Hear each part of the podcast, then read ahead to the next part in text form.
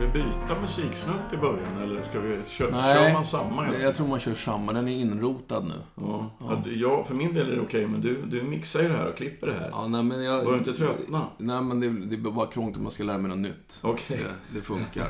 Vi Hej, hej! Hej, välkomna, nu kör vi. Vi kör i jaktstugan. Precis, vi Vi har... var morgonpigga för att det var 10 grader när vi släppte. Nu är det, ja, två timmar senare är det väl en 15-16. Så nu är det färdigjagat med hund för idag. Precis, och som vanligt hittade Orka vildsvin, drog iväg och sen så släppte vi Mixa som hörde Orka skall som drog dit och det gjorde Mixa det som hon brukar göra. Ja, Hon gav sig efter suggan. så gör hon alltid av någon Tryckte iväg anledning. suggan och eh, vilket innebär att Orka kom förbi oss lallande med en eh, 20 kilos gris.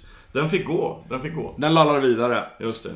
Och nu sitter vi i jaktstugan och jag har en telefonpejl och en eh, vanlig Garmin-pejl och tittar på den för vi har en ung hund lös som faktiskt förföljer något nu. Så det kan bli avbrott i det här poddavsnittet. Vi Vi se. hoppas det. Ja, det är i alla fall så fruktansvärt skönt att hundsäsongen har börjat. Om tillbaka. Nej, det är någon annan hund som skäller. Det är din ja. valp som skäller nu. Ja. Hörni, eh, vi ska börja med en, en eh, apporteringsfråga. Och det handlar om en åttaårig springer spaniel tik som är primärt vattenapportör men hon har, kör även lite spårning av påskjutet och trafikskadat Åland va? Eller? Nej, Österbotten. Österbotten, Ja, okej. det- ja, mycket fågeljakt där. Ja. Mycket fågeljakt där. Problemet för den här åttaåriga springer spanieltiken är att hon är lite hård i apporteringen. Hon, hon plockar upp dem snyggt ur vattnet, men när hon ska byta grepp sen, eh, om inte husse hinner fram och hon byter grepp, då tar hon lite hårt i apporten och tuggar gärna hål på de fina bröstfiléerna. Han har gjort väldigt mycket för att försöka bli av med det här med... med Klassikerna, springa därifrån. Ja, och- springa därifrån och försökt locka med annat gott istället. Va? Men det är bara full fokus på den här fågeln och det blir lite hårdhänt. Det låter som en bra apportör alltså. Ja, Men, men alltså, åtta år sa du det? åtta år springer spaniel. Men eh, man kan ju säga allmänt då vad jag, vad jag tycker. Och det var ju några år sedan jag körde fram en apportör. Men, men eh, när, när det börjar funka. Alltså jag tycker man ska börja väldigt milt med en apportör. Bara bejaka bärandet. Dissa, min sista, var ju rätt skaplig på apportering kan man ju lugnt säga. Eh, och jag började inte köra hårt med henne och ställa krav på henne förrän så var två och ett halvt eller något. Hon fick bara laja. Men eh, grejen är att någonstans där när apporteringen börjar funka då måste man ju trycka in lite krav. Alltså jag tror att det här är en lydnadsgrej. Faktiskt. Eh, och det är kanske lite sent då om problemet har funnits länge och hunden är åtta år gammal. Men, men ehm, det är en balansgång ju när man kör fram en apportör. Eh, man vill lite att det ska komma spontant eh, det mesta. Och sen lägger man in kommandon i det spontana kan man säga. Men sen när det börjar funka, då, då är det ju lydnad som gäller på en apportör. Du måste få stopp på en apportör, kunna bromsa den i olika lägen och så. Ehm, och det brukar funka så att åtta år är klart, men, men jag tycker att den här hundföraren ska... eh, Han har säkert bra styrning på den här Spanien i andra sammanhang. Det brukar vara som med Spanien som är åtta år och som är duktiga på att apportera. Den går lös ofta och han kan skicka den hit och dit och den är... Du vet, han slipper gå i koppel och sånt. Det, sä- säkert är det så. Och är det så att han har en följsam spaniel, då kan han lägga in en broms. Alltså han kan ställa hårda krav tycker jag på Spanien. Inte fysiska krav utan precis, om hunden kommer upp i vattnet. Eh, han vet ju, han, det är ju ett invant problem så killen vet, eller är det en kille en tjej? En kille. Killen, killen vet ju eh, när det här händer. Det tror jag. Jag tror att han vet när det händer. Om han då fångar Spaniens uppmärksamhet, lydnadskommandon, du vet, innan det händer. Så att han, att han, han, han verkligen dämpar mm, hundens egen vilja när den här rapporten eller den här fågeln ska släppas. Alltså det, det tror jag är enda sättet i det här läget. Men Att hålla, då- hålla på och locka och, och sådär, det, det tror jag inte på. Men nu har han försökt fånga uppmärksamhet med köttbullar och annat. Hur ska han göra för att fånga uppmärksamheten? Med hård, hård, hårda krav, alltså ren jävla lydnad. Ja. När hunden tar tass, första tassarna liksom upp på en klippa i Österbottens skärgård. Då, då jävlar alltså. Nu... Brä, alltså stenhårda krav helt enkelt. Stirra på hunden, stenhårda krav. Fånga uppmärksamheten genom att vara mentalt hård. Inte köttbullar. För att köttbullar, då finns ju hela tiden risken att han belönar saker som han själv inte har en aning om. För kommer köttbullen fram i fel läge Eh, och det gör den säkert i det här, i det här fallet. Hon verkar ju inte bry sig heller. Hon har bara fokus på Ja, men just, det där, just den där balansgången alltså. Det är ju samma med, med mm, alltså min storjämte alltså, som är åtta år gammal. Hon, hon, eh, hon är ju döenkel, men, men då och då får man ju ta fram hårda rösten alltså. För helvete, du ska vara uppmärksam på mig. Jag hör ju hur du är med dina hundar, fjantar som fan med den här valpen. Och så plötsligt slår du om och du låter som en jävla sprängarbas som är lagt på lärlingarna typ. Eh, Så att eh, det skulle jag prova. Alltså, ha- han, han har säkert följsamhet hos Spanien. Utnyttja den genom att ställa krav i exakt rätt läge. Inte när hunden spottar ut, utan innan. Så, Prova det. Testa det. Sen är det ju alltid lättare med att och, eh, träna om unghundar än en åttaåring. Men, men det är definitivt värt ett försök. Nu är det tonsiller igen, Björn. Tonsiller igen. Det här tycker jag, det, det slutar inte bara med tonsiller. Men, men jag tycker att den här Eh, texten är bra. Det är en åtta och, halvt, åtta och ett halvt årig gråhund som sedan ett och ett halvt år hade problem med halsen. Det har varit många turer till veterinär, antibiotika, kortison och till slut opererades tonsillerna bort. Och den här meningen som kommer nu, det är lite grann min käpphäst då. Tyvärr verkningslöst, efter en kort tid var vi tillbaks på ruta ett. Det är ju sällan tonsillerna som är grundproblemet. Hitta orsaken bakom. Hitta orsaken. Och sen har han diagnostiserat den här gråhunden med, med bronkit, alltså en, en inflammation i luftrören. Och eh, sen, sen, sen är det lite så här, för det är två saker som händer. För det står också att han pressar upp magsyra i halsen. Och det är ju då det andra röret som går ner. Vi har luftstrupen och sen har vi matstrupen. Och, och de har ju egentligen ingenting med varandra att göra. Hur som helst, när den här hunden var sex så flyttade de in i ett hundhus och slapp då hundkojen de hade vistats. Sen försvann en hel del av de här problemen, att, att hunden eh, fick en skummande mun efter jakt och så vidare. Och husse konstaterade till slut att det var mögel i det här hundkojan som de hade bott i tidigare. Och Okej. undrar, kan det här varit en bidragande orsak? Det tror jag definitivt. Men jag tror inte att det är förklaringen på både och. Därför att mögel, och det, det finns ju, det här mögelallergi drabbar ju även människor, så det finns det mycket kunskap om. Och, och det är ju framför allt ett luftrörsproblem. Eh, Så att, så att den delen tror jag definitivt kan ha med mögligt att göra. Sen är jag lite fundersam då för det här med att han har haft... Eh, Veterinären har ju sagt att det här är ett magproblem och... Eh, eh, och det låter ju så då när den får sura uppstötningar och, och så vidare. Men, men då landar jag mer på att när den fick, slapp hundhuset, eller flyttade in i hundhuset och slapp de här hundkojorna, om det var någon stresspåverkan som gjorde... Alltså magen är ju känslig för stress va. Så att, så att det kanske, han kanske löste två problem samtidigt. Han slapp möglet och hunden blev mindre stressad i den nya miljön. Men, men det är en spekulation. Ehm, så att, så att, ja, eh, det var väl någon typ av svar på frågan. Definitivt att möglet kan ha orsakat eh, den här bronkiten eller hals, eh, luftrörsinflammationen. Men, men, Det är ju exakt samma sak med människor ju. Ja. Så det är om detta. Nu kommer en väldigt kort fråga. Och eh, den, den handlar om sö- Det är en Laika. Eh, och han vill helt enkelt veta hur kan man träna upp Laikans sök. Det är en tvåårig östlaika. Ja, det med söket är ju ett standardproblem. Men, men eh, det, det, var, det står inget mer. Vi får inte någon mer information. Nej, det står... Det är väldigt kort. Det är två rader. Okej. Eh, Östlaika snart två år. Jag jagar älg med henne. Skulle vilja veta hur man tränar sök. Bra, jag gillar korta frågor för då kan man eh, flippa ut helt liksom. Och det kan du ändå. Nej men alltså söket, standardgrejen. Alltså grunden är, hur är den här hundföraren i skogen han släpper lajkan? Eh, om lajkan har ett dåligt sök, nu, nu jagar, det är, ursäkta att jag bryter mig själv här men eh, vad fan gör vi nu Björn? Enligt pejlen så står unghunden och skäller som fan Eh, i vasskanten på Hur andra sidan långt? ön. Vi borde höra henne. 400 meter.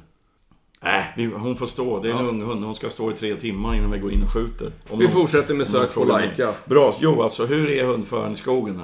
Alltså det kan ju vara ett rent missförstånd. Jag har sett väldigt många hundförare, framför allt av, av de så kallade kortdrivarna. Att de kommunicerar med hundarna hela tiden. Eh, genom att till exempel säga Ja, ja, men ut nu. Stick iväg, kom igen, öka på, längre, kom igen, kom igen, kom igen.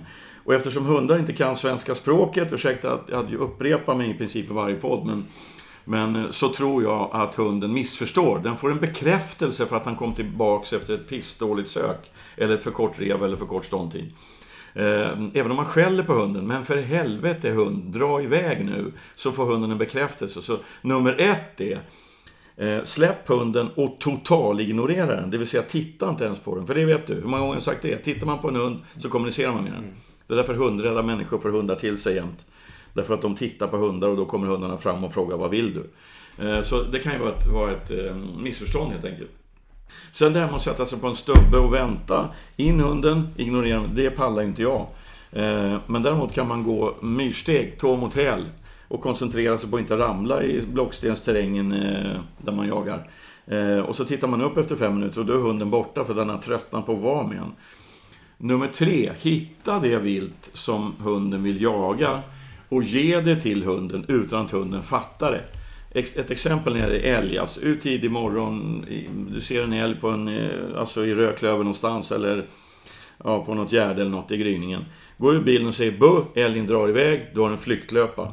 Hämta hunden, släpp ut den och gå och lalla. Alltså, alltså det vill säga med det, det, det, det Peter-uttryck, jag menar strunta i hunden och rör dig mot den här flyktlöpan. Det smarta är ju att röra sig mot den med vinden i ryggen för då, då, då vet du ju att hunden har rätt. När nosen åker i backen, du vet ju var flyktlöpan är någonstans.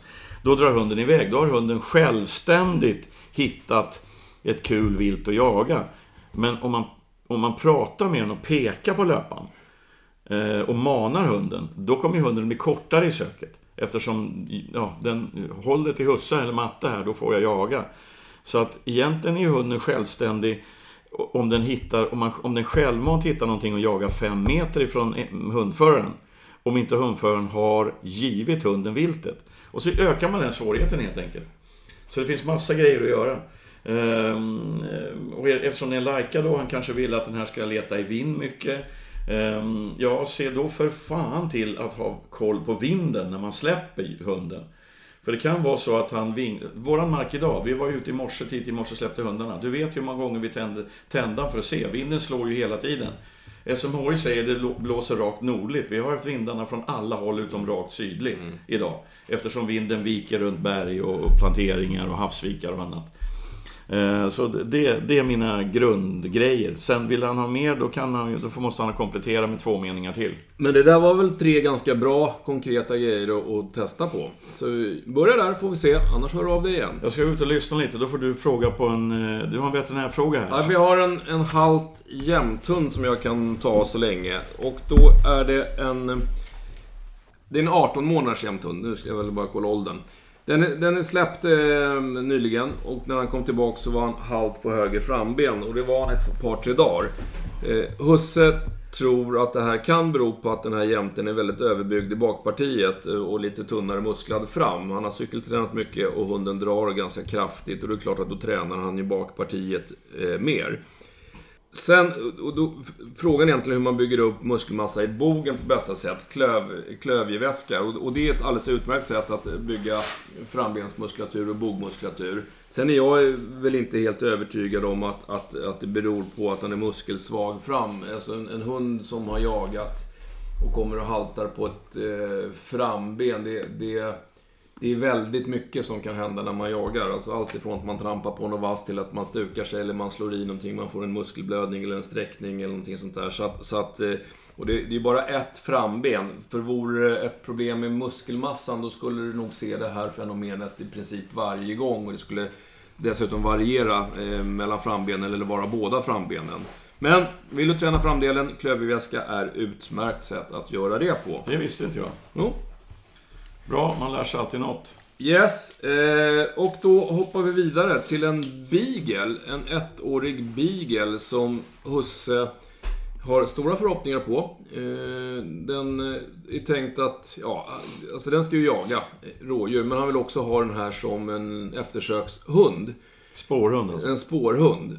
Och eh, då är frågan, för han får lite, lite olika Eh, en del säger att, att eh, ja, vi pratar om signaler egentligen. Om man nu sätter på den här hunden en sele när den ska spåra och en väst när den ska jaga, ja då borde den rimligtvis förstå vad som är vad. Men en del tycker då, för att husse vill ju kunna släppa hunden när han går i linan, så han har satt på den väst när han spårar för att kunna släppa. Och då säger en del att då blir hunden jätteförvirrad och vet inte vad arbetsuppgiften är. Eh, Nej, alltså, alltså, om, om man har spår, spår, alltså den typen av... Ja, har du spårlinan på, då fattar den förmodligen att den ska spåras. Sätter man på jaktvästen så tror den att den ska jaga. Eh, och i det här fallet så vill ju husse kunna spåra, men släppa hunden om han inte kommer ifatt ett skadat vilt. Och då... då Jag, jag, jag har väldigt... Alltså det där är ju en vedertagen så kallad sanning i, i jakthund-Sverige. Liksom, att det är väldigt, väldigt viktigt att ha rätt färg på kopplet när det är agility och, och, och en annan färg när man ska jaga och allt det där. För mig så handlar det inte om det. Alltså du vet ju hur orka är. Man kan ju spåra en, en påskjuten, ett påskjutet vilt med henne. Eh, I koppel eller långlina eller på vilket jävla sätt som helst. Och så fort man stryker kopplet så jagar hon ju. Så det tror inte jag. Ehm, däremot så tror jag att husse i det här fallet måste bestämma sig själv för vad han ska göra. Alltså om han skiter i det här med vilka signaler alltså som vilken väst eh, ger, då kommer det att funka. Och, och känner han att det här är jätteviktigt för mig att ha, ha, jag tror mer på det här, ja men då ska han göra det. För att eh, risken är ju att han beter sig lite annorlunda om han bestämmer sig för att fan också, nu har jag fel sele på hunden. Då kommer den inte jaga eller tvärtom. Oj, oj, oj. Eh, jag har glömt spårlinan och jag kan inte spåra i koppel. Alltså, tror han på det, då ska han göra det. Men mitt svar är, skit i det där. Alltså spåra, spåra in hunden ordentligt. Du kan, och det smarta är att göra det, ibland gör man det med koppel.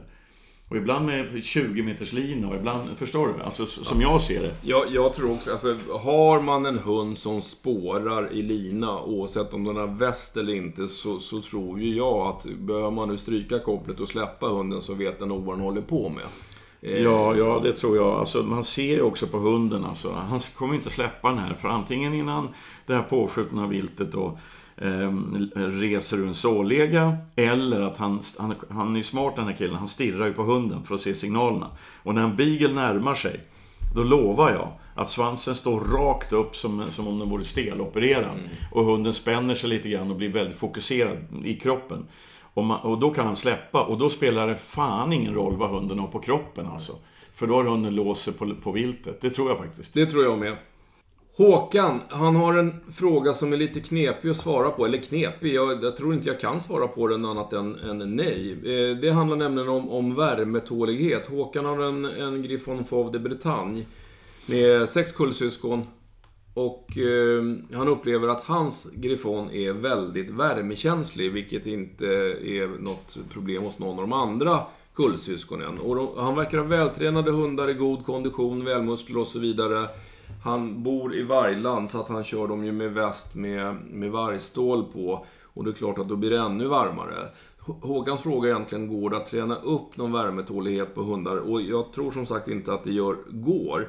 Och, och vad är det som gör att en hund är mer eller mindre värmetålig? Ja, alltså det, är ju, det finns ju fysiska skillnader mellan hundar. Vi vet ju till exempel, om nu pratar vi inte jakthundar, men om tar extremerna som diskuteras mycket, de här så kallade trubbnosiga mm, mopsar, eh, Franska bulldoggar sånt. franska bulldoggar de här. De är ju väldigt, väldigt värmekänsliga. Därför att Ja. de har svårt att få luft Ja, de har ju för smala luftrör, de har för kort nos, de, de kan inte ventilera sig på det sättet hundar ska göra när de blir varma. Så där kan det ju finnas en fysiologisk, en fysisk skillnad även inom en kull då, att någon hund kanske har lite smalare eller trängre luftvägar eller någonting sånt där. Va? Men, men det, det kan ju inte jag säga att det är så.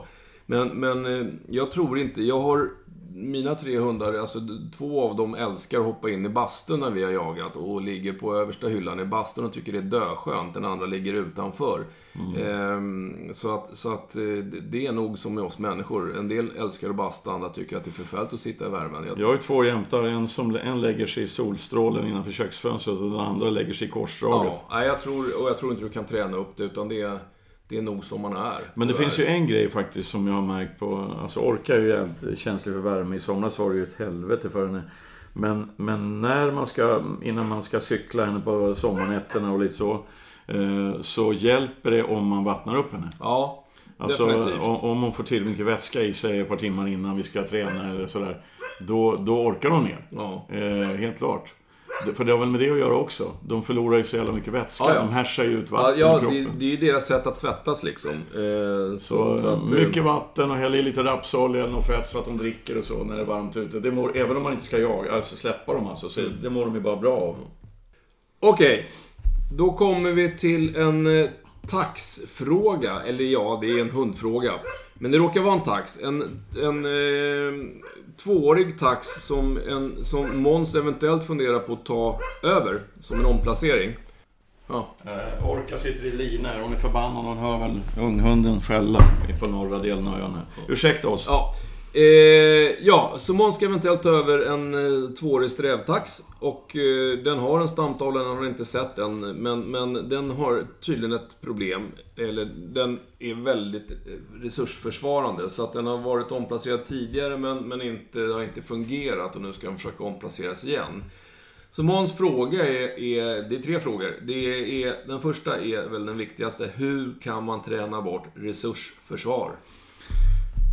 Eh, han ska ta hand om den hunden. Han har den inte än. Nej. Nej, men då, då, är, då är det ju läge. Därför att när en hund, var en två år gammal. Ja. När en hund byter miljö, alltså från en ägare och den miljön och de omständigheterna och de reglerna till en annan ägare i den miljön, de omständigheterna och de reglerna. Då har man, en- som jag ser det, då har man en liten stund på sig. För vissa hundindivider en timme, andra hundindivider fyra veckor. Därför att när hunden kommer till en ny miljö så kommer den att göra allt den kan för att anpassa sig till den nya miljön. För hundar är ju överlevare. Det är därför som det, jag gillar att ta omplaceringar. För gör man rätt i början så kommer den gamla ägaren efter en månad och titta vad fan har hänt? Det måste vara en annan hund. Nej, det är samma hund, men hunden har anpassat sig till nya regler. Så att om man tar tag i det här med resursförsvarproblemet direkt. Alltså han tvekar inte en jävla sekund. Utan är det så att den här taxen visar tendenser till resursförsvar. Och det kan man göra liksom. Man tar hand om taxen, man tar, hämtar taxen, den får knalla runt en stund i köket. Ehm, eh, man gullar lite mer, ger den en köttbulle och sen ger man den ett märgben eller något. Som man vet att den, den här, nu kommer den här skiten. Eh, då ger man den ett märgben. Och, alltså den får märgbenet. Och sen tar man märgbenet. Jävligt bestämt. Och grundtipset är ju att använda fart emot utan att ta i hunden. En, ena handflatan mot hundens ögon, den andra handen rycker märgbenet ur käften på taxen. Då får man inte stanna där sen och säga att nu är du duktig och börja pedagogiskt prata med en tax. Utan man går direkt därifrån bara. Sen kan man sätta sig och bolla med det här benet liksom, innan man lägger in det i kyl, kylen och fryser, fryser ner. Men den får fan inte tillbaka det. Så gör man det en gång om dagen.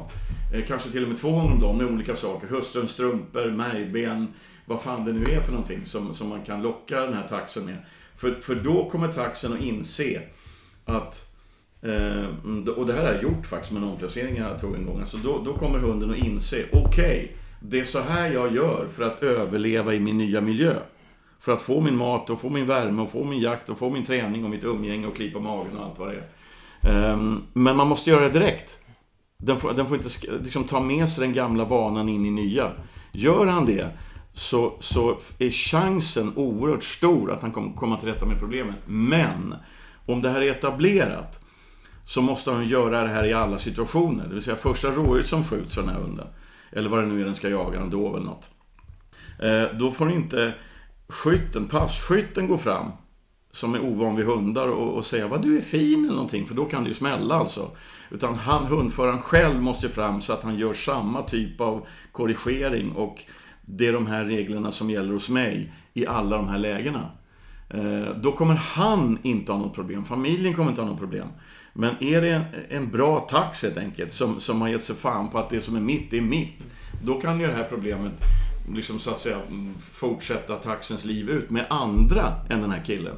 Det, det är varje individ som måste göra det helt enkelt. Men gör han så här eh, konsekvent just när han tar den så... Ja, du fattar vart jag vill komma. Alla typer av problem med omplaceringshundar. Eh, tar man tag i det direkt, alltså omedelbart. Man låter det inte gå. Jag vet många som tar en omplacering och gör ett litet misstag, tycker jag. Och det är att man tänker, vi låter hunden vara helt och hållet i en månad så att den anpassar sig själv. Du vet. Det är ungefär som det här med att man har valpar, storvuxna raser, en valp i en sån ras.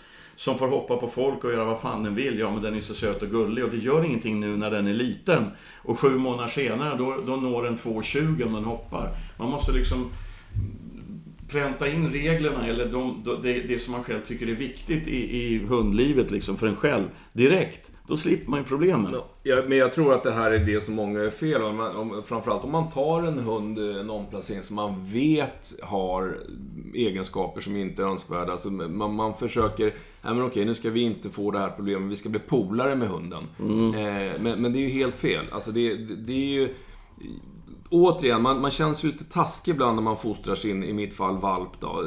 Men, men alltså, hur funkar det i hundvärlden? Där de, deras gener är predisponerade att förstå. Jo, man får en jävligt tydlig tillrättavisning av morsan om man gör det minsta som inte passar. Direkt. Ja, men alltså, vi har ju snackat nu om din valp här. Nu vill du ha henne på vildsvin. Du vill att hon ska hålla i grisarna lite skapligt rejält. Ja, men då får du fan inte ropa på henne när valpen drar iväg. Nej. Utan hon måste hitta sin egen självständighet. Och sen när valpen vänder, vilket alla valpar gör. Man ser, ser på pejlen eller och, mm, på något gärde eller något, att hon vänder och är på väg till dig. Då kallar man på henne. Så att det, det, då skapar man ju en vana vid hunden, en dubbel vana. Dels att hon kan hålla på länge om hon vill och när, när du ropar då är hon redan på väg till dig. Det vill säga alltså, ja, så det gäller att tänka sig för hur man är själv helt enkelt. Det korta svaret alltså Måns, vi tror visst att det går att träna bort resursförsvar. Var tydlig från första sekunden hunden kommer hem till dig. Sen är din andra fråga, kan det här bli en hyfsad jaktkamrat även om stamtavlan inte säger att föräldrarna är jaktchampions eller liknande? Ja, det är klart den kommer bli bra kamrat, men vi, vi vet ju inte om den kommer bli bra jakthund. Nej. Det har vi ingen aning om. Nej. Men jag menar, har du en, en, en tax med, oavsett om de är champions, med välmeriterade föräldrar eller föräldrar som jagar bra, så tror jag nog att du kan få fram en, en, en bra jakthund. Det lägger jag mycket tid i skogen. Det, all, ingen blir bra om man inte får träna. Det är smart att ta en tax också. Vad fan, släpp den så jagar den. Alltså, det är bara tid i skogen. Taxen får jaga allt vilt vi får jaga i Sverige. Ja. Eh, så det är liksom inget fyande i skogen, utan eh, låt den vara. Låt den jaga. Sista frågan. Hur får man den här taxen att inte gå i gryt? Har den gått i gryt förut? Står ingenting om det. Ja, alltså nummer ett. Skjut inte grävling och räv för taxen. Det är nummer ett. Bejaka annat vilt istället.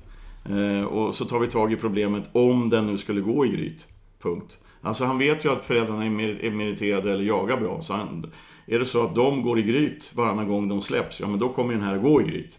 Då måste han ju lägga tid på att ge fan i grytlevande vilt helt enkelt. Bra! Då har vi betat av den också. Nu kommer en fråga om ja, hundval igen.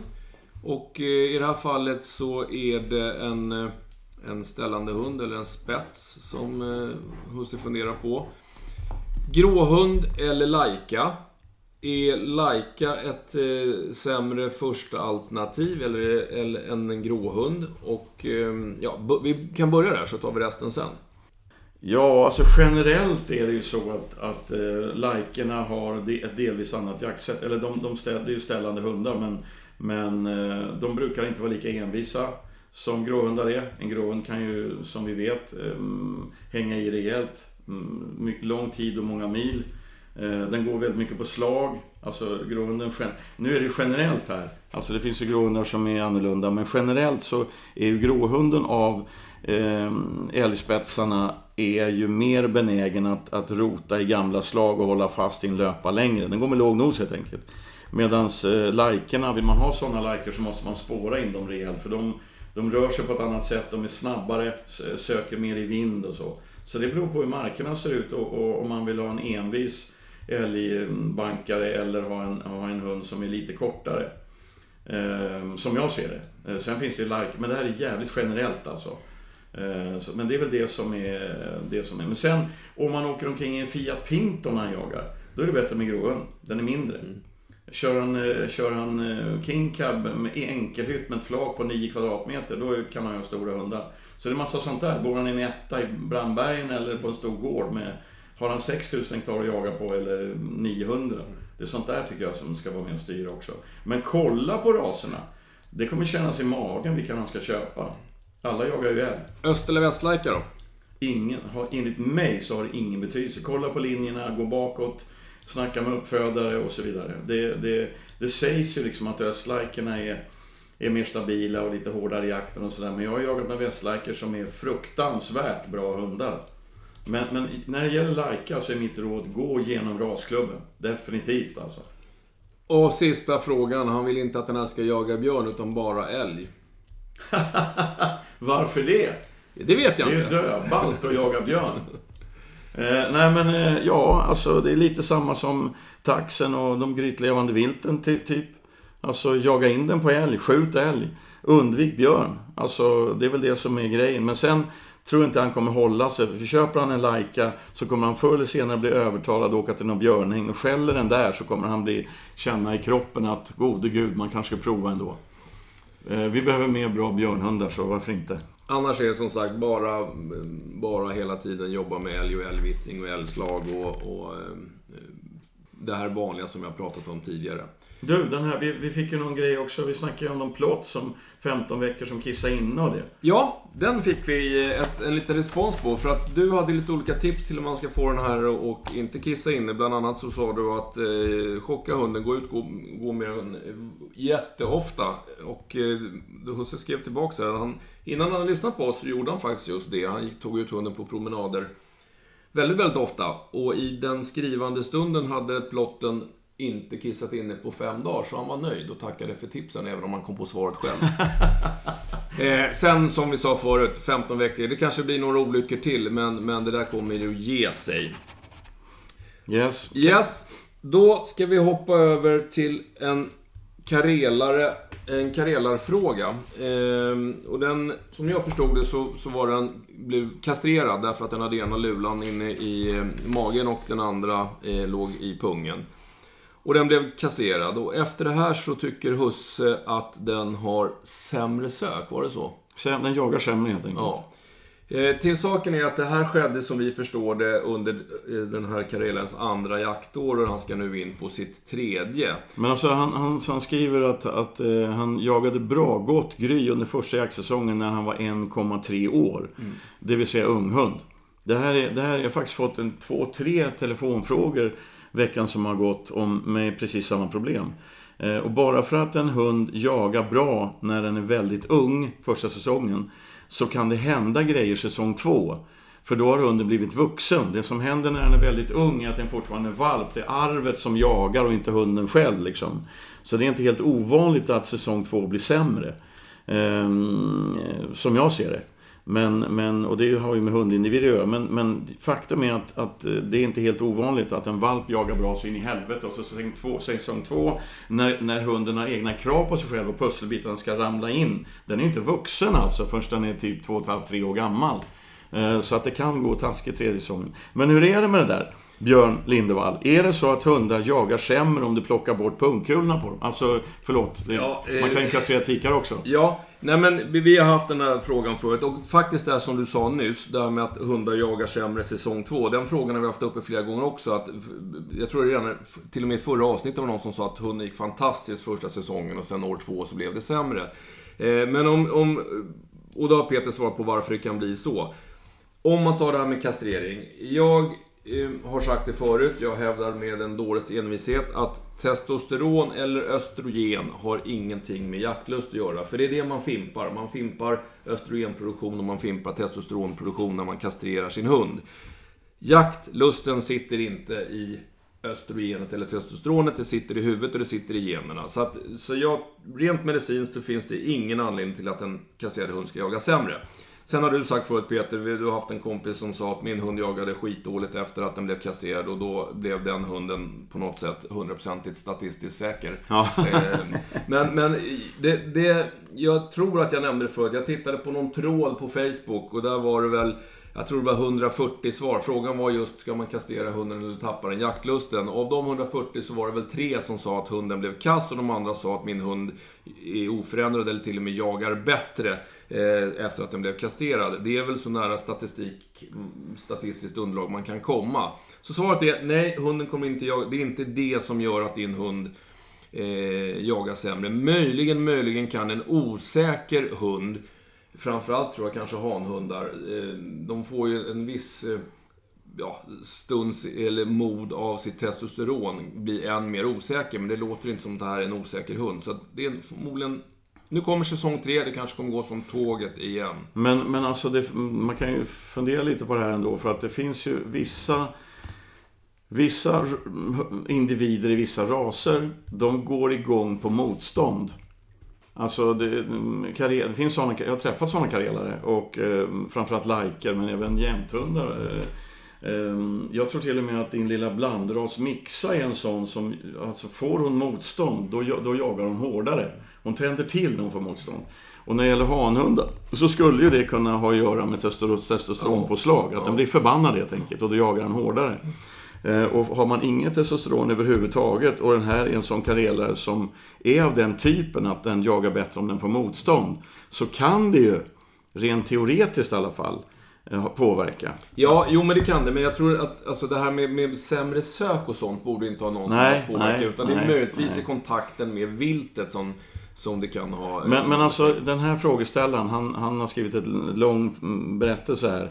Och när han liksom låter den här karelan, Eh, trots att den kastrerar då, att eh, när den får dö, döspåra fram till en nyskjutet vilt, då flyger den på viltet och, och raggar och håller på. Så att jag tror att det här har att göra med omognad, helt enkelt.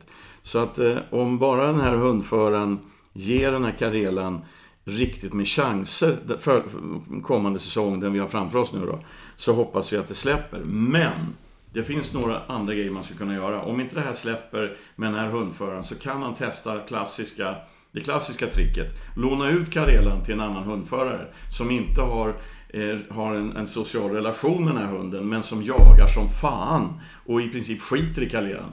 Alltså, du vet, i händerna på någon annan. För det kan också vara så att om hundföraren börjar tvivla på sin egen hund, då, då utstrålar man vissa signaler och annat och då blir hunden osäker och tror att han gör rätt när han kommer tillbaks, trots att husse står och skakar av ilska för att hunden jagar dåligt. Eh, nummer två, stalla upp hunden. Det är ett annat tips alltså. Stalla upp hunden. Han får inte jaga på två månader. Eh, eh, alla andra hundar får jaga, men det blir bara vanliga koppelpromenader. Han får inte vara lös en enda gång. Absolut ingen inkallningsträning i trädgården eller någonting, utan bara koppel i, i tre månader. Nu har de ståndskall igen, längre ut på ön. Ehm, för att då kan det då kan det vara så att det finns en sån enorm uppdämd alltså jaktenergilust att den bara drar när han väl släpper två månader senare. Ehm, Men vart, vart jag vill komma är att fundera på hur du själv gör med hunden i skogen. Mm. Om det har varit halvstruligt, jag förväntar inte att det ska bli halvstruligt nästa gång du släpper. Utan gå ut med glatt humör och jaga som fan helt enkelt. Ehm, så, så om man själv ändrar beteende och det finns tillräckligt mycket jaktlust i hunden så brukar den ändra sina beteenden tillbaks. Om inte, hör av dig typ i november eller någonting. Så får man ge lite mer mm, tydliga råd om man säger istället för det här svamlet. Ehm, Så, så är Då läget. kör vi vidare. Yes. Då ska jag bara svara Rasmus, som faktiskt också har skickat en tonsillfråga. Han har opererat bort tonsillerna på sin hund, en grå hund. Men eh, problemet kvarstår. Och eh, jag har svarat dig på mejlen, eh, Rasmus, så att du kan ta det den vägen. Så, så eh, behöver vi inte ta upp tonsiller Ska igen. vi, ta, ska vi ta, ta den här nu då? Det det är en kille som heter Fredrik här som har skickat en e-postfråga. Den är lång. Ja, Alltså det, den är väldigt lång, men själva frågan är väldigt kort. då tar vi den. Vad tycker vi om så kallade alltså lydnadshalsband eller hur man ska uttrycka det. I det här fallet så handlar det om ett halsband som först piper lite grann och sen sprutar citrondoft. Eh, som korrigeringsmedel. Ehm, alltså, och det här handlar om en valp som biter i elsladdar och annat. Eh, kan man använda det här medlet. Och jag ska vara helt ärlig. Jag har fan ingen aning. För jag har aldrig någonsin använt ett eh, Antiskallhalsband. anti... Sluta med det där, lyd mig-halsband. Jag har aldrig använt det heller, men jag vet faktiskt folk som har använt det. Man ska också säga att Fredrik har provat lite andra varianter. Att ja, hälla tabasco på sådana ställen där hunden biter frekvent. Men det är ju lite, det är lite svårt att ha tabasco överallt. Och det har funkat. Men, men man kan ta tabasco överallt i huset. Men, men det här med antiskallhalsband då. Eh, jag tror att det kan... Det jag har förstått är att de som har använt det tycker att det fungerar bra. Alltså det är ju en typ av omedelbar korrigering. Ehm, med, med ett visst obehag för hunden. Sen har ju vi i Sverige, vilket jag är glad för, vi, i England och USA och andra ställen, där kan man ju skicka ut små elstötar till hunden. Det är ju förbjudet att ha den typen av, av Men, korrigeringshalsband men alltså jag tror i alla fall att det är så här att, att, eh, att ehm, det där funkar säkert ehm, i vissa situationer och, och under en viss tid. Men, men alltså när hunden blir vuxen och låser sig på någonting. Eh, så så om, man, om man inte använder det där på exakt rätt sätt och i exakt rätt lägen. Så tror jag man kan göra att det kan bli samma fenomen som vissa hundförare av ställande hundar. När en gråhund står och skäller på en älg 95 skall i minuten, då ropar man kom hit. Um, och då ökar hunden istället till 120 skall i minuten. Den får stöd av det där. Um, så jag, jag, tror att det är lite vanskligt uh, att, att liksom tro på det. Men funkar det så funkar Testa liksom. Fan, jag, det, jag, jag men tror... som sagt, jag har, ingen, jag har aldrig använt det. Och Nej, jag tror inte jag kommer göra det heller. Du har ju sagt jättemånga gånger att alltså, det gäller att korrigera precis vid rätt tillfälle. Och, mm. och, och det är ju... Det är ju det som jag tycker är grunden. Jag menar, ser man att nu är man på väg framåt sladden, korrigera med ett fy eller nej eller vad man nu använder. Eh, eller vad sjutton han nu är på väg upp på köksbordet. Fördelen med anti-skallhalsband är ju att du kan korrigera på en viss distans när du inte har hunden inom synhåll. Men, men det är ju inte, eh, alltså i hemmamiljön tror jag att det är bättre med en tydlig kroppskorrigering ja, eller, ja. eller ett tydligt nej eller fy. Ja, man vinner på det längdet, även om det blir tjatigt när hunden är valp. Men sen, sen finns det den här andra varianten av styrning via halsbandet. är ju eh, när det kom vet du, på pejlarna att man kunde skicka en signal. Det piper ja. i halsbandet. Eh, så då har många hundar som i början bryter och kommer på inkallning typ med hjälp av det där. Därför man stör hunden. Men, men, och det är många som faktiskt var jätteglada för det där för typ två säsonger sedan när det kom. Eh, men de flesta av dem som jag känner som var glada i början, de har upplevt samma sak som jag just beskrev med gråhunden. Att det där pipet är detsamma som kontakt med husse eller matte. Vilket i vissa lägen kan bli alltså stöd. Alltså man, man liksom ökar på hundens eh, vilja i det den håller på med. Alltså framförallt, då det är det liksom drivande och ställande hundar som man vill få in på inkallning. Men, men om man är fruktansvärt konsekvent och bara använder det här om man kör in det här i exakt rätt läge. Precis som jag brukar tjata om när man kör, in, kör inkallningsträning på unga hundar. Kalla inte när hunden är på väg åt andra hållet. Utan då är det broms eller hallå eller hundens namn som gäller. När hunden är uppmärksam på mig och helst redan på väg till mig. Då kallar man. Om man använder den tekniken på den här mm, styra från långt håll-pipen så kanske det kan funka. Jag vet faktiskt inte. Men man kan, jag kanske, kanske man ska testa lite sånt där. Eh, alltså, du, var ju valp, ska du inte köpa ett citronhalsband? Nej, men jag kör på den gamla traditionella eh, metoden. Det, Fan, vad du är rent reaktionär här. Vi måste tänka framåt. Men, ja. Nej, men då får jag göra det. Köpa ett citronhalsband ja, och sätta, ja, på, det är väl bra. Du sätta får... det på min yngsta dotter. och se om det funkar där. Funkar det där, då funkar det fan på jämthundar också. Okej, är vi klara nu eller? Eh, nej, vi är inte klara än. Vi ska svara på en eh, fråga om eh, alla såna här förkortningar. Det här är nämligen Filip som har tänkt att skaffa sin första hund och då vill de ha en flatte där de, de har tänkt att ska apportera men även dödsök på klövvilt. Och sen är han ute och rotar på hemsidors uppfödare och där finns ju alltid de här meriterna. Och eh, då har han helt enkelt han har skickat eh, bilder från den kennel han varit inne på med, med alla de här förkortningarna som finns. Och jag ska inte gå igenom alla, eh, för det där är jag hittade, det finns en hemsida som heter hundutstallning.se. Jag tror att det är över 100 förkortningar beskrivna där. Eh, och, och, det är ju allt det här, utställning har ju sina förkortningar med, med ja, det bästa man kan få är excellent. Eh, och sen kan man få ett CK, ett certifikat, eh, om, om man har ett excellent i botten. Och sen har vi det här med J-klass som står för juniorklass, E-klass, elitklass.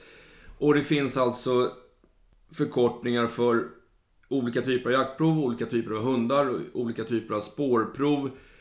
Eh, vad man kan säga sammanfattningsvis, ibland så står det SE framför till exempel, då är det ett svenskt prov. Eh, det kan stå DK, då är det ett danskt prov. Och U-klass betyder unghund, J-klass är jaktklass. Och det Herregud, sluta nu ja. för fan. Titta, och det finns faktiskt, jag tror det finns både på SKKs hemsida och det finns på Agrias hemsida. Det är en djungel, men när man väl har förstått grundprincipen så är det... Men du, jag, nu kom jag på en grej. Ja, du vet, jag meriterar inte mina hundar. Alltså, offentligt sådär. Men jag fick den frågan faktiskt eh, på, på en jakt. Av en person som visste vem jag var men inte kände till mig, kände mig typ. Och han frågade om jag hade mediterat hundarna. Och då sa jag så här. Nej, inte på jaktprov, men jag har SMHI. Och då sa han så här. Okej, okay. och så gick han. Så man kan ju svänga sig med allt möjligt. Eh, faktiskt. Ja. Nej, men gör så. Titta, för det finns beskrivet allting. Och eh, så är, har man förstått grundprincipen så är det inte så himla rörigt. Nu ska Peter få svara en fråga från Tim. Han har en liten fundering kring jakthundar. Är en tax eller drever, det vill säga långsamt drivande hundar, bättre på att ta spår och fungera till eftersök i och med att de har det arbetssättet att de går med näsan i backen och jobbar med mera markvittring? Alltså jag skulle vilja påstå att det är så här. Hundar har en bra näsa. Och det spelar i princip ingen roll vilken ras vi snackar om. Alltså mm, om vi nu håller oss in, alltså även sällskapshundar och alla, alltså de har ju jätteduktiga näsor och jag menar, kan bli, det finns ju chihuahuor som är vinstspårchampion. Eh, duktiga spårhundar. Men, men eh, eh, däremot så kan det ligga någonting i det han säger för att eh, Eh, den typen av hundar som man pratar om de är avlade för att driva i slag, alltså att, att, eh, gå, att jaga med näsan låg och jobba med markbunden vittring. Så att det är klart, han har ju lite gratis när han ska börja mm, köra fram en spårhund. Men å andra sidan är det så att schweizhundarna, alltså bajrare och hannoveranare, de är betydligt större än taxar och drevrar. Och det enda de gör är att gå med låg nos. Så att, eh, vad vill han liksom? Vill han Det var bara en allmän fundering tror jag. Så att, så att jag, jag tror ju som du att, att, att man kan nog få de flesta hundar att fungera till som väldigt, väldigt duktiga spårhundar, bara de förstår vad de ska göra. vad de ska göra. Men, men alltså det, det är ju klart att eh, han har ju rätt på det sättet att, jag menar, du vet ju hur det är med, med jag menar, din vaktelvalp här. Hon använder ju fart och ganska hög eh, nos. Det, det, det är liksom medfött va. Eh, Medan en taxvalp i samma ålder, alltså, den går ju som en dammsugare från morgon till kväll. Ja, men nosen är ju höjd med marken. Ja, precis. att- De har ju inga ben de här hundarna, så att det är ju det som är grejen. Men, eh, så att, eh, men svaret är ja och nej. Ja, det var ett bra svar. Vi snackar om heltäckande. Okej, Jocke har en, en följdfråga. Peter har sagt, jag tror det var förra avsnittet eller två avsnitt sedan, vi pratade om det här med kloklippning och avleda uppmärksamheten med... Var det inte då vi pratade om viltfärsbiffar? Just det, just det. Eh, Men, men han ville höra förlängningen på, på resonemanget. Man avleder hunden med en köttbulle, klipper en klo och sen tar man bort köttbullen. Men sen då? Ska han inte få någon belöning? Nej, nej. Nej. Det är alltså, eh, för då är man ju då är man hund själv. Ta klassikern alltså, när en tik ska uppfostra sju veckors valpar. eh, Då smäller det bara och sen går de därifrån. Alltså man, det gäller att vara tydlig, för stannar man kvar och är pedagogisk med hunden, nu var du duktig och sådär va. Det är klart han kan ge hunden en, en godbit, alltså det, vissa han måste prova sig fram. Alltså jag, själv gör jag så när jag, kör, när jag skulle börja klippa klorna på valpen, eller hon är ju 15 månader nu, men Eh, Då hackade jag, okej nu är det detaljer här, men då hackade jag en bit av en gammal ostkant. eh, Som man själv inte ville käka, typ som man hittade längst in i kylskåpet. Små, små, små, små bitar. Och så la jag dem bredvid mig på golvet, tog den här unga jämthunden, vräkte över henne på rygg mellan mina ben, hon stirrade på det här och så klippte jag en klo så fick hon en ostbit. En klo till och så vidare. Och efter två gångers kloklippningar så fick hon, tog man en hel tass och en ostbit och så vidare. Eh, så då utnyttjade jag det, men jag sa inte nej till det där. Utan jag bara la det och höll i hunden. För att då vet hon ju att hon kommer få det liksom. Men, så det är samma taktik, men man belönar hunden. Men eh, så, så, så är det. Vill han belöna hunden så gör det, men det är inte det som är tricket i det där fallet. Utan det är att man har låst hundens fokus På någonting på, annat. på någonting annat. Då ska jag bara, kom jag på nu, för det här långa mejlet om antiskallhalsbandet. Det hade, hade Fredrik skickat till både din och min eh, andra mejladress för att han hade inte hittat vår. Och då ska vi vara tydliga och säga att mejladressen till det här programmet är jakthundarojakt.gmail.com Alltså, orden jakthundar och jakt. Och mellan de orden, utan mellanslag, så är det en rund ring i form av ett svenskt O. Exakt så. Till skillnad mot Instagram där det faktiskt heter jakthundar och jakt. Precis, precis. Hoppas vi har rätt ut det. Skicka in mail, eller, men inte frågor på Instagram. Oskar tackar för en superbra eh, podd. Han har en gråvaktel och undrar om vi utfodrar en eller två gånger per dag. Det här, eh, Oskar, är nog var och en blir salig på sin fason. Jag utfodrar mina hundar två gånger per dag. Det funkar praktiskt och det känns... Ja, det, det funkar för mig. Jag vet inte, Peter, hur gör du? Eh, två gånger per dag om jag inte ska jaga tidigt på morgonen som i morse. Då får de bra med käk på kvällen men ingenting i morse. Ja, de får efter jakt. Under jaktsäsong så blir det ingen frukost innan släpp. Men, ehm, men som sagt, det där, jag vet många som ger en gång om dagen och det finns de som ger tre gånger om dagen också. Men har man en stabil mage... Jag, jag tror ju lite grann sådär att det kan väl vara bra att ha en hyggligt jämn belastning på, på magen. Men det finns många som funkar bra på en gång om dagen. Ta det som passar dig. Det har ingen betydelse. Jag tror dessutom att det är så här att eh, för det första så är det onaturligt för hundar att käka mat ur en skål. Det är också onaturligt för hundar att käka på exakta tider hela tiden. Så under jaktsäsong så får mina faktiskt lite, lite när jag känner för det. Ja. Och när de behöver mat. Och jag slänger ju ofta ut på gräsmattan Ja, ja, så visst, att de kan visst. eh, Visst. få leta på käket. Okej, nu ska du få en spännande fråga Peter. Ehm, Det här är en jämthundstik, ett år och tre månader. Hon har två problem. Hon jagar bilar. Men inte när husse är bredvid och går i koppel. Men ehm, när hon jagar och kommer till en väg så sätter hon efter bilarna. Eh, ja, det finns en klassiker som jag lärde mig av min vän Johan Hund. Han har ju, håller ju på med sällskapshundar och sånt, men skitduktig hundtränare. Han kör någonting som heter habituering, vaninlärning. Eh, I det här fallet när det gäller bilar så letar han upp en plats där det hela tiden rör sig bilar, konstant. Eh, sen går han dit med hunden och binder hunden i någonting som är väldigt fast, som en betongbänk eller något. Eh, I väldigt kort koppel. Väldigt kort koppel. Hunden ska kunna sitta och ligga men inte liksom rycka så att den gör sig illa på något sätt. Sen sätter han sig ner, sätter på sig hörselkåpor och har en kaffetermos och en bok med sig.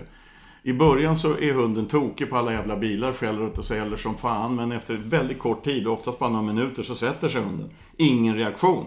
Bilarna skiter i det, husse skiter i det, alla människor runt omkring skiter i det. Efter en stund har hunden lagt sig ner och efter tre timmar ligger hon och sover mitt i en rondell i liksom, rusningstrafiken. Eh, det vill säga att man, man vänjer hunden av med grejer. För det, an, förmodligen är det så att någon har gasat på hunden i det här läget. Alltså någon, någon har, har liksom eh, så att det händer något när hunden jagar bilar. Sen är det en annan grej och det är att vissa hundar triggas ju... Alltså det är jaktlusten vi snackar. Alltså när någonting är på väg emot, då är det hot. Och när någonting svischar förbi och rör sig bort ifrån hunden, då förföljer hunden det som rör sig bort. Om det är en boll eller en bil eller någon som springer eller vad det nu är för någonting. Eh, så att, eh, men, men mitt råd är att om det funkar när han är med, ja men låt någon annan göra det här tipset då. Gå längs en jättetrafikerad väg eller någonting annat. Men då gäller det att knalla omkring med hunden fast i bältet i jättekort koppel och totalt total ignorera hunden när den skäller. För ofta om man springer efter hunden och skriker eller något, då gasar man ju hunden. Nästan alltid. Eh, så är det. Och sen är klassikern då. Jag förstår ju att om hunden är på vägen, då, då blir han ju panikslagen. Så åker han dit och hämtar hunden. Det tror jag. Alltså det gör man ju. Det är ju reflexmässigt. Men det är bättre att ha is i magen och stanna bilen en bit bort och springa in på hundens löpa, alltså bakslag. Eller så att man åtminstone hämtar upp hunden, inte på vägen utan någon annanstans. Det är lätt att säga i och för sig om hunden springer omkring på E4. Eh, men, men då måste man ju få stopp på det liksom. Men, eh, men ja, det, det är de råd jag har. Då tar vi fråga två. Hon söker ut och hon hittar älg, hon har ett bra förföljande men hon är tyst när hon står stilla. En, vad sa du? En, ett år och två månader? Ett år och tre månader. Ja. Han har två jämtar till som båda skäller. Men det står inte gamla de är. Jag Men sitt de lugnt i båten. Hon är för fan valp nästan. Det är en ung hund. Står hon med älgarna, sök, söker hon upp älgar, förföljer älgar och står länge med älgen tyst. Om det är så, då kommer skallet komma. Alltså, hon är för ung. Den pusselbiten har ramlat ur mm, systemet helt enkelt. Hon, det är så mycket fokus på att vara med älgen, nära älgen, så att skallet inte har kommit än. Det är vad jag tror. Eh, är hon väldigt hårdskallad den här jämten överhuvudtaget, skäller väldigt dåligt generellt, eh, ja, då, är, då är det två grejer. Dels handlar det om avel, alltså lösa eller hårda hundar. Eh, har han kollat om, om hunden har en halsinfektion eller något, om hon inte skäller hemma heller, om det är något sånt som hämmar hunden. Ehm, det finns ju massa, vi måste veta mer innan man kan ehm, svara på det. Men väldigt många hundar som är sådär, ger man dem tid så brukar skallet komma. Om, om det, alltså för det, så är det. Jag har ju haft hundar med spetsar som har stått tyst. Men man ger dem tid och då till slut kommer skallet. Och i sista vändan då, prova med någon av de andra om, om de, den här unga hunden är kompis med någon av hans äldre hundar. Ehm, och då kan han ju trigga hunden. Han ska inte släppa på den här unga hunden när en annan jämte står och skäller. Utan han ska gå dit med en lina för hunden. Och så fort hunden vill framåt älgen, då ska han dra hunden bakåt. Vad vill en hund när man drar den bakåt? Jag tror den vill framåt. Yes, så är det. Och, och då kan han stå och jucka bakåt lite grann så att hunden blir frustrerad. Eh, och, och då kommer skallet automatiskt. Och då släpper man efter lite grann, blir hunden tyst, ja men då triggar man den bakåt. Och sen när hunden har, har liksom ligger på åtminstone 65-70 skall i minuten i den här linan, sträckta linan, då släpper man. Bra! Jag tror vi gör så här, vi tar en sista fråga också eftersom Lita fortfarande är där ute och håller på. Eh, och då är det en tvåårig gråhund som söker ut 300-400 meter. Sen måste han komma tillbaka och kolla vad husse gör. Hur ska jag göra för att få honom att söka ut längre? Jag tror att vi har svarat Det har på vi det svarat här. på redan. I, också i det här programmet. Ja. Och i några, några avsnitt tidigare också. Sammanfatta. Ehm, Inte kommunicera med honom. nej, alltså hur är den här personen? Hur är hundföraren i skogen? Är det så att man tittar på hunden när den kommer tillbaks, då får hunden ett kvitto på en bekräftelse för att den var duktig att den kom tillbaks. Så det första man gör är att man total ignorerar hunden när den kommer tillbaks efter för korta arbeten. Oavsett om det är för korta drev, för korta sök, för korta ståndtider, vad det nu är frågan om. Alltså total, det är det första man börjar med. Alltså inte en blick på hunden och framförallt inte Ja, ja, ja, du är duktig du, men du ska söka större. Eh, för då, då missuppfattar hunden, alltså, och det är ganska vanligt. Och sen får den här personen också, den här hundföraren också tänka sig för. För vissa hundförare jag känner, Eh, de babblar hela tiden med sina hundar. De pratar med sina hundar. Så fort de är runt en buske så är det bara Vad är det? Du kom hit, hallå, du ska häråt och så vidare. Och då binder man ju hunden till sig liksom. Så det bästa är att eh, vara tyst och total ignorera. Det är i alla fall, det är det första man ska prova. Funkar inte det, hör av dig igen till jakthundar at gmail.com Då får du fråga två också. Den här gråhunden då har ställt flera gånger älg. Och då har han kunnat kalla in honom och sen släppt tillbaks honom. Nu har han precis varit i hägn och tränat på grisar och där var det lögn i helvete att kalla in honom. Kan det bero på att han har större intresse för gris än för älg? Ja, men, men sen är ju situationen annorlunda. Ja. Eh, jag vill att den här personen, den här hundföraren, ska släppa sin hund och jaga gris i skogen. Eh, är det så att, det, är- att han har svårare att få in hunden från grisar i fria skogen, ja, men antingen är det så att hunden tycker det är roligare att jaga gris, eller också, vilket förmodligen är det det handlar om, så har hunden låst sig på grisen. Grisen är Alltså älgar kan vara livsfarliga för hundar, men grisen generellt luktar rovvilt. Alltså det tar så mycket mer fokus av hunden.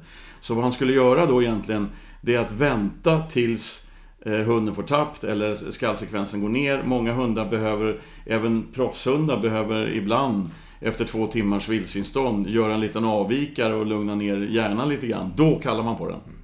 Eh, Men jag tror kan ha att göra med att det är rovvilt, alltså de låser sig mer på rovvilt.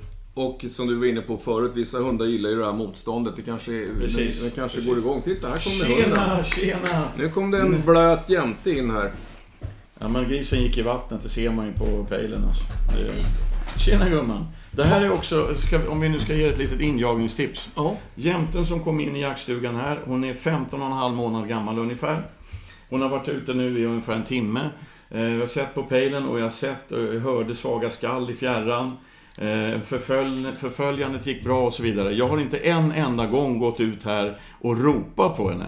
Fast jag sett att hon har släppt. Utan målet är att hon, hon ska hitta mig i skogen. Det är bara ett injagningstips.